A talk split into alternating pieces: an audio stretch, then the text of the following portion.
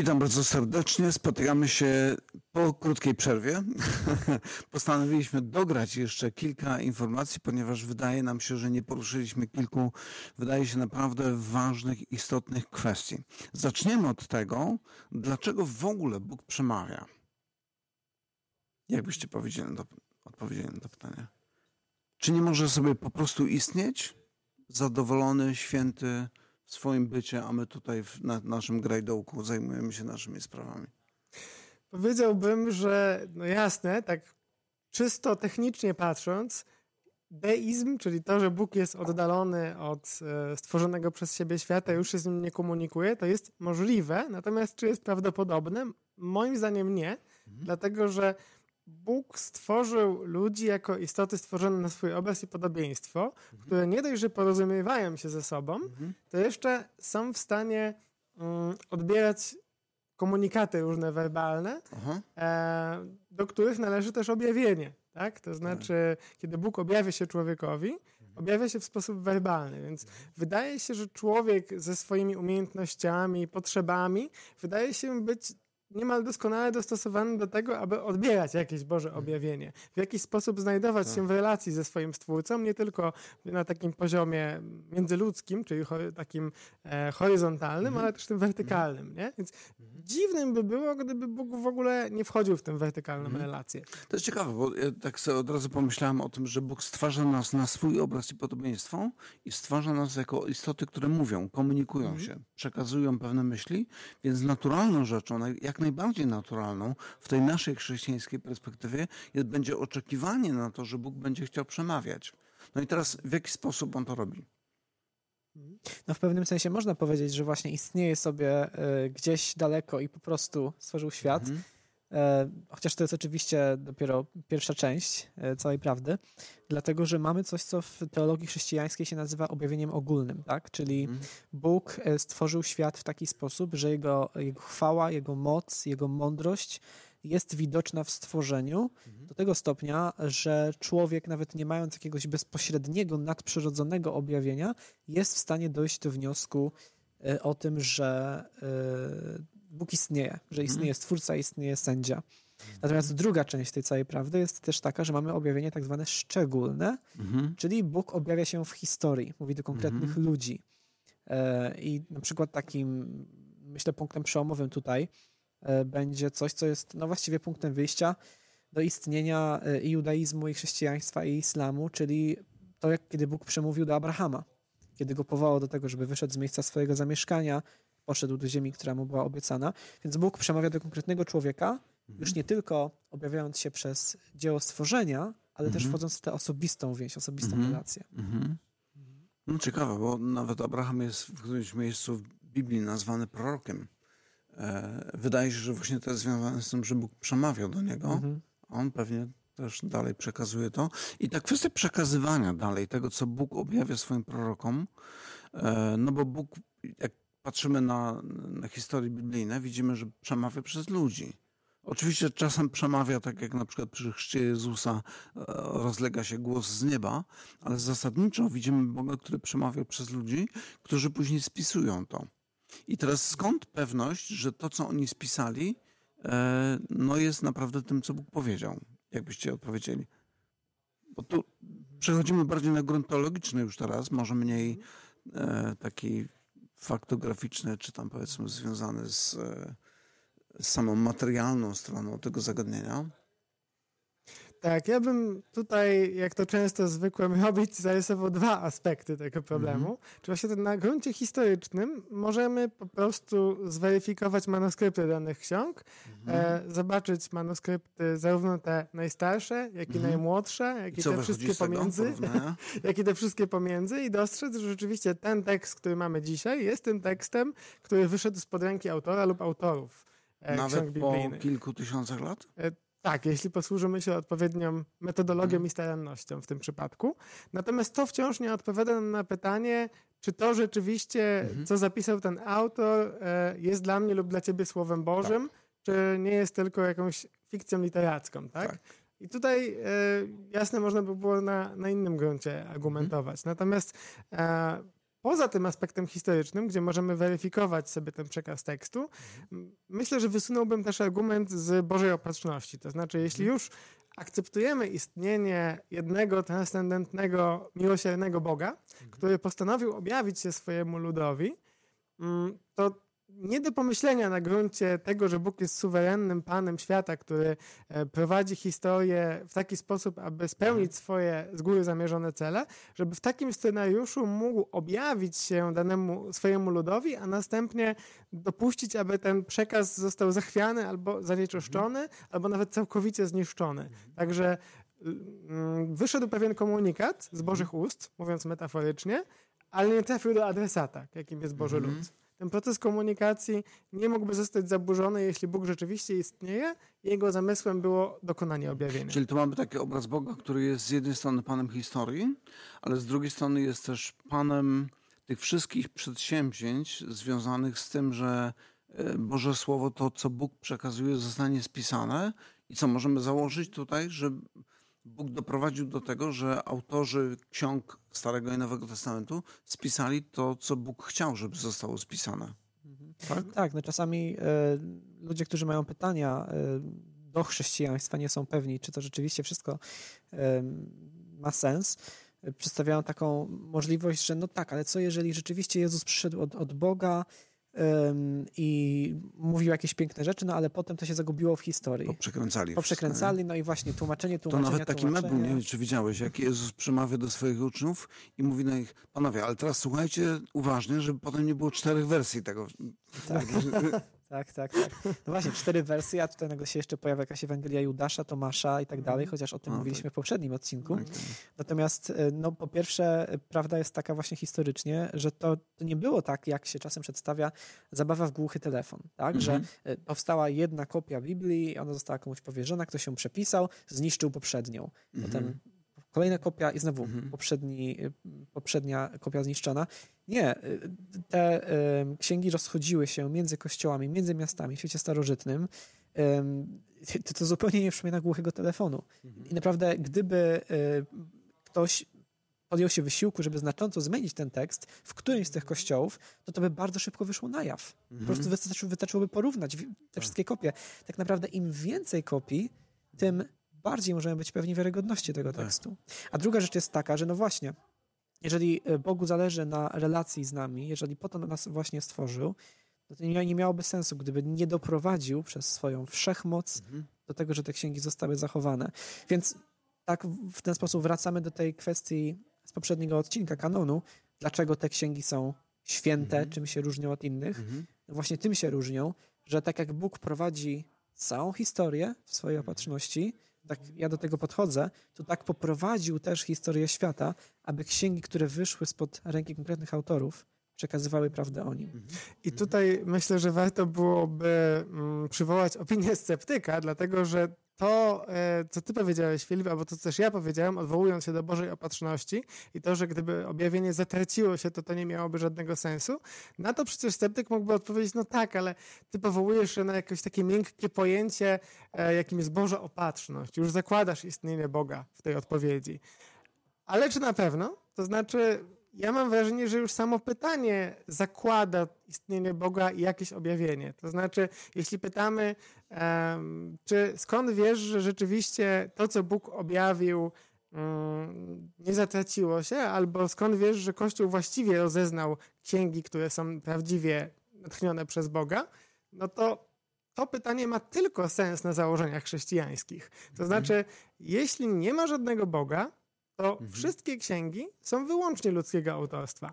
A właściwe rozeznanie kanonu, czy odróżnienie tego, co jest objawieniem, od tego, co nie jest objawieniem, polega na oddzieleniu tego, co jest właśnie natury boskiej, od tego, co jest natury ludzkiej. Tak. A przecież w założeniach sceptyka, e, czy nawet mówiąc dobitniej ateisty, wszystkie księgi są tej samej natury, to znaczy są ludzkie, nie ma żadnego kanonu, więc samo pytanie o rozeznanie właściwe kanonu jest zupełnie pozbawione sensu. Także to pytanie może być zarzutem tylko na gruncie założeń chrześcijańskich. Tak, Tak, tak, dokładnie. Znaczy ja myślę sobie tak, że z tej takiej bardzo szerokiej perspektywy, o, o której teraz wspomnieliśmy, z tej szerokiej perspektywy to wygląda, jak powiedziałbym, wszystkie fakty na niebie i na ziemi jakby wskazują na prawdziwość tego, że Bóg istnieje. Bóg jako istota, która no właśnie komunikuje się, stwarza nas e, jako istoty zdolne do komunikacji i dba o to, żeby ten proces komunikacji między nim a ludźmi również odbywał się w sposób taki, żeby to było zrozumiałe dla nas. I chodzi mi o to, że jeżeli przeciwstawimy to temu tej perspektywy takiej, że człowiek powstaje przez przypadek, no to właściwie nie możemy być pewni niczego. Jakby nawet nasza dyskusja nie ma sensu, ponieważ słowa, które wypowiadamy, są produktem przypadkowo powstałego mózgu, który funkcjonuje w jakiś sposób, który wydaje nam się, że jest poprawny, ale też nie potrafimy tego na bazie filozoficznych założeń ateizmu udowodnić. Więc, ale to. Ale właśnie, tutaj mówimy dużo o komunikacji między Bogiem mhm. a człowiekiem. Mhm. Często też używając takiego sloganu nazywamy Biblię Słowem Bożym, mhm. ale tak wchodząc głębiej, co to właściwie znaczy? Mhm. Co to znaczy, że Biblia jest Słowem Bożym? Mhm. Jak, co byście powiedzieli? No to jest jedno z takich chrześcijańskich powiedzeń, które wszyscy zdają się rozumieć, dopóki nie trzeba ich zdefiniować. I nagle się okazuje, że mamy problem. Ja bym przede wszystkim e, patrzył na to w kontekście e, tego celu, jaki Biblia ma spełniać. To znaczy, kiedy na przykład spojrzymy na to, co Paweł pisze do Tymoteusza o, o pismach świętych, no on ma na myśli mhm. Stary Testament w tamtym miejscu i czasie, natomiast no, to jest kategoria, którą też możemy rozciągnąć na Nowy Testament potem, mhm. nawet i na to, co Paweł w tym momencie pisze. E, on mówi, że e, Tymoteusz zna od dzieciństwa pisma święte, które mogą go obdarzyć mądrością prowadzącą do zbawienia mhm. przez wiarę w Jezusa Chrystusa, ponieważ pismo jest, e, całe jest natchnione i jest pożyteczne, do wychowania w sprawiedliwości, do poprawy i tak dalej, i tak dalej. Więc co tam mamy? Mamy e, pisma, które mają jakąś księgi, po prostu książki, byśmy powiedzieli mm. dzisiaj, które zostały przez Boga wyposażone w jakąś szczególną właściwość. To znaczy, że one są w stanie dać człowiekowi poznanie Boga. Zawierają taką treść, która człowiekowi Boga yy, objawia i, i, jest w stanie w nim zbudować, stworzyć, zrodzić wiarę w Chrystusa, która prowadzi do zbawienia. Yy i która zawiera po prostu prawdę na temat Boga. To znaczy, jest to mniej więcej coś takiego, jakby pod pewnymi księgami Bóg postawił swoją pieczątkę. Mhm. Tak, to mówi prawdę o mnie. Jeżeli poznajesz te księgi, to będziesz miał wiarygodny obraz mnie. No właśnie, mam wrażenie, że to jest chyba kluczowa sprawa tutaj, to znaczy kwestia prawdy. E, myślę, że no, chyba wszyscy zdajemy sobie sprawę z tego, że to, co widzimy, zawsze podlega jakiejś interpretacji. Mamy jakieś zdarzenie, które miało miejsce, widzimy jego końcowy efekt i teraz możemy przedstawić kilka interpretacji, jak to się stało. E, natomiast kiedy patrzymy na świat i zadajemy sobie pytanie, jak to się stało, cały ten świat i to, co tutaj widzimy, no to, to również rodzi potrzebę interpretacji i myślę, że kiedy Bóg przemawia, i jego słowo dociera do nas, to jego interpretacja jest prawdą. Nawet Jezus, kiedy przychodzi, kiedy rozmawia z Piłatem, mówi tak: Ja na to się narodziłem i na to przyszedłem, aby złożyć świadectwo o prawdzie. I myślę sobie, że to jest kluczowa sprawa, że kiedy, e, znaczy to byłby powiedzmy jakaś cecha czy atrybut e, tego, kiedy zadałeś pytanie, co to jest słowo może, no to słowo może to jest to, co jest prawdziwe. I w tym momencie, co ciekawe, słowo prawdy mogą wypowiedzieć osoby, które są niewierzącymi osobami, co oczywiście nie jest podstawą do tego, żeby to, co mówią czy piszą, wchodziło do kanonu, chociaż w historii różne były takie trendy, powiedzmy. Też w tym kontekście myślę, że warto cały czas przypominać o tym, że e, no to chyba wszyscy sobie z tego zdają sprawę, ale e, że warto mówić o tym, że my sobie też z tego zdajemy sprawę, że Biblia to są też księgi napisane przez ludzi. Oczywiście, mhm. że tak. E, to znaczy jest ten, tam ten aspekt ludzki i jest również ten aspekt boski. I nie jest tak, że jak na przykład rzekomo było w przypadku Koranu, że pojawił się jakiś anioł, który podyktował prorokowi słowo w słowo to, co miało być spisane. Łącznie z błędami. łącznie z błędami. I teraz e, to jest ten, co do, e, co do głoski objawiony tekst, najlepiej po arabsku to czytać, bo dopiero, tylko tam to Mhm. zachowuje swoje Mhm. właściwości, a, e, a to, co jest tłumaczone, to już jest jakimś takim produktem pochodnym. I tutaj e, wydaje mi się pomocne takie zestawienie, które zrobił jeden z moich ulubionych kaznodziejów, John Piper, kiedy mówi o tym, że kiedy porównujemy islam i chrześcijaństwo, to odpowiednikiem Koranu e, w chrześcijaństwie byłaby nie tyle Biblia, co Chrystus. Znaczy sam Chrystus przychodzi Aha, z nieba, logos, słowo, tak, tak? jest, jest doskonałym Bożym Słowem i oczywiście Biblia również jest doskonała jako Boże Słowo, natomiast nie została podyktowana z nieba, Tak. została spisana przez ludzi, którzy mieli swoje style literackie, mieli swoją taką, a nie inną wiedzę o świecie, którzy mogli korzystać ze świadectw historycznych, jak na przykład Łukasz, którego wspominaliśmy w poprzednim odcinku. Natomiast pod tym wszystkim Bóg przybija swój stempel wiarygodności. Mhm. Mówi, tak, to jest moje objawienie w świecie. To Ja, ja bym Filipie podsumował to, co mówiłeś wcześniej, jako takie spojrzenie mm, bardziej skupione na celu e, objawienia. Natomiast to twoje spojrzenie, Robercie, był, nazwałbym takim spojrzeniem hermeneutycznym, w tym sensie, że Biblia jest soczewką, poprzez którą postrzegamy rzeczywistość i mamy gwarancję, z uwagi na to, że ona jest Bożym Słowem, że to spojrzenie będzie prawdziwe. Natomiast ja bym jeszcze wrócił do zagadnienia natury. Jakby Mhm. spróbował odpowiedzieć na to pytanie, co to znaczy, że Biblia jest Słowem Bożym, pod kątem tego, że posiada wyjątkową naturę. To znaczy jest natchniona albo nawet tchnięta przez Boga, jak właśnie pokazywałaby ta etymologia słowa greckiego theopneustos, którego Paweł używa e, w tym fragmencie, o którym mówiłeś ty, Filipie, nie? czyli drugi list do Tymoteusza, trzeci rozdział, szesnasty werset. Nie? Bo to jest jakby połączenie dwóch słów. Theos, czyli rzeczownik Bóg i e, pneo, czyli tchnę, oddycham, tak? Jakby Biblia jest Bożym tchnieniem, Bożym głosem. To znaczy, kiedy przemawia Biblia, przemawia tak naprawdę Bóg. Także Biblia ma wyjątkową naturę pod tym względem, jako Tak. księga mm, tchnięta przez Ducha Świętego, która jest de facto Bożym tchnieniem. Można byłoby tak to zobrazować. Tak. A ja myślę, że też warto pociągnąć ten temat e, tego, jak ten czynnik ludzki i ten czynnik boski mają się do siebie w Biblii. Bo już doszliśmy do tego, że to nie jest tak, że Biblia jest tylko i wyłącznie boska. Tak? To znaczy tam są różne style literackie, różne gatunki, e, No różni nawet autorzy. styl pisania przez Pawła i przez Jana są zupełnie Tak. inne. Nie? Ja lubię tutaj zawsze odwoływać się do takiej powiedzmy zasady chalcedońskiej, jakbym to określił, czyli do e, tych dwóch natur w Chrystusie i tego, jak Sobór Chalcedoński w 451 roku to ujął. To znaczy, z jednej strony mamy skrajność taką, że Chrystus jest tylko i wyłącznie Bogiem, nie jest prawdziwym człowiekiem. Z drugiej mamy inną skrajność, to znaczy, że Chrystus jest tylko człowiekiem, nie jest żadnym Bogiem. A Sobór Chalcedoński, pomimo że mm, to twierdzenie zawiera w sobie pewne napięcie, pewien paradoks wiary, mówi, że Chrystus jest i prawdziwym Bogiem, i prawdziwym człowiekiem. A więc nie to, ale nie tamto, albo nie to, ale nie tamto, tylko to i to. Tak? I myślę, że tutaj Biblia jest i w pełni boskim słowem, i w pełni ludzkim słowem. I to w żaden sposób, to, że jest w pełni ludzkim słowem, w żaden sposób Tak. nie umniejsza to, że jest boska również. Jed- Kiedyś słyszałem taki, taką ilustrację, która jakby jest rozwinięciem tego, o czym ty mówisz, właśnie w odpowiedzi na pytanie, na ile Biblia może być traktowana poważnie w tym sensie, że ona jest wiarygodna, że naprawdę jest Bożym Słowem. E, Ktoś odpowiada w taki sposób, ale zobacz, e, i tu właśnie pojawia się znowu Chrystus, który zostaje urodzony przez Marię, człowieka. Ale e, to nie Józef jest jego ojcem, tylko Bóg, który jest w niebie. Ale jednak owocem tego jest doskonały Chrystus. I teraz można by tą analogię pociągnąć dalej, pewnie tam do jakiegoś miejsca, żeby nie przesadzić.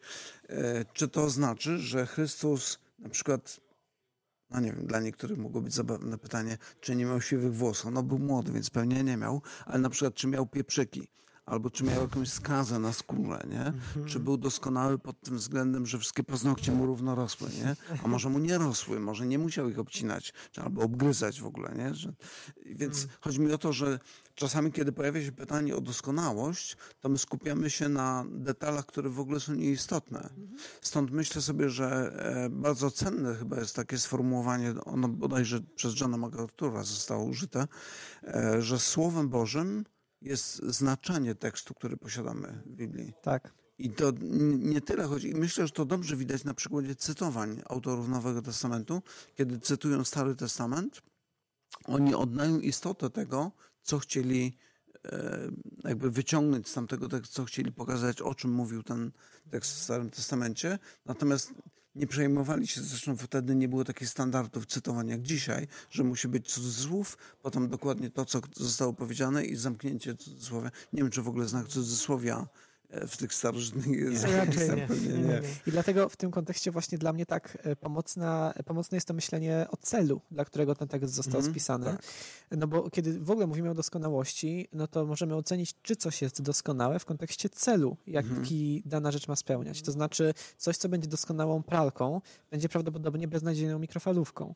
Tak. I jeżeli chodzi właśnie o takie, powiedzmy, pieprzyki w, Biblii, jak mm. to, że no ale przecież Księga Kapłańska nazywa nietoperza ptakiem, no to jak to, mhm. natchnione Boże Słowo? Albo przecież jeden ewangelista taką chronologię przedstawia wydarzeń, a inny inną. Mm. To o co tutaj chodzi? Mm, I takim przykładem, którego ja zawsze używam w tym kontekście, jest e, sprawdzian z matematyki. Który, na którym trzeba coś obliczyć w szkole i trzeba udzielić e, odpowiedzi e, tekstowej w formie pełnego zdania. No i załóżmy, że ktoś wykonał wszystkie obliczenia dobrze, ale w odpowiedzi popełnia błąd ortograficzny. Czy może mimo to dostać szóstkę na sprawdzianie? Jestem przekonany, że tak. Dlaczego? Bo z czego to jest sprawdzian? Z matematyki. E, czy napisał sprawdzian bezbłędnie? Tak, biorąc pod uwagę cel, dla którego został napisany. A co jest celem Biblii? To aby człowiek Boży był gotowy do wszelkiego dobrego dzieła, aby wierzył w Jezusa Chrystusa, aby poznał Boga. Biblia jest nieomylna i bezbłędna. Ale czy mogą być pieprzyki? Oczywiście, że mogą być. I to, to z niczym się nie kłóci. Mm. Też często w Biblii fraza mm, głosić Słowo Boże bardzo często odnosi się do nauczania ustnego apostołów. To Aha. znaczy na przykład w drugim liście do Tesaloniczan, w drugim rozdziale Paweł nakazuje Tesaloniczanom, aby trwali w tym, co im przekazał zarówno przez mowę, jak i przez list. Tak. Mowa i list ze sobą mhm. są paralelne w jakimś mhm. sensie. I czy przypuszczamy, że po prostu kiedy Paweł głosił Tesaloniczanom Ewangelię, to recytował dokładnie słowo w słowo to, co było w pierwszym liście do Tesaloniczan i ewentualnie w drugim? No jasne, że nie. To no. znaczy Ewangelia pod względem nie treści, ale pod względem formy może przyjąć różne, e, różne kształty, tak? To znaczy kiedy mówimy e, Chrystus umarł za tych wszystkich, którzy mu uwierzą, możemy to sformułować inaczej. Możemy powiedzieć, Chrystus umarł e, za tych, którzy e, są wierzący, chociażby. No dowolne słowa możemy poprzestawiać, ale dalej przesłanie pozostaje to samo. Mm. Także głoszenie ustne apostołów było również Słowem Bożym, tak jak Słowem Bożym jest Biblia, mimo że nie były to słowa dokładnie w tej kolejności, jakie obecnie mamy w Biblii, w tekście greckim. Tak. Czy ja myślę sobie, że tu jeszcze jeden aspekt można być, ale to już tak naprawdę kończąc, bo znowu e, rozciągamy się.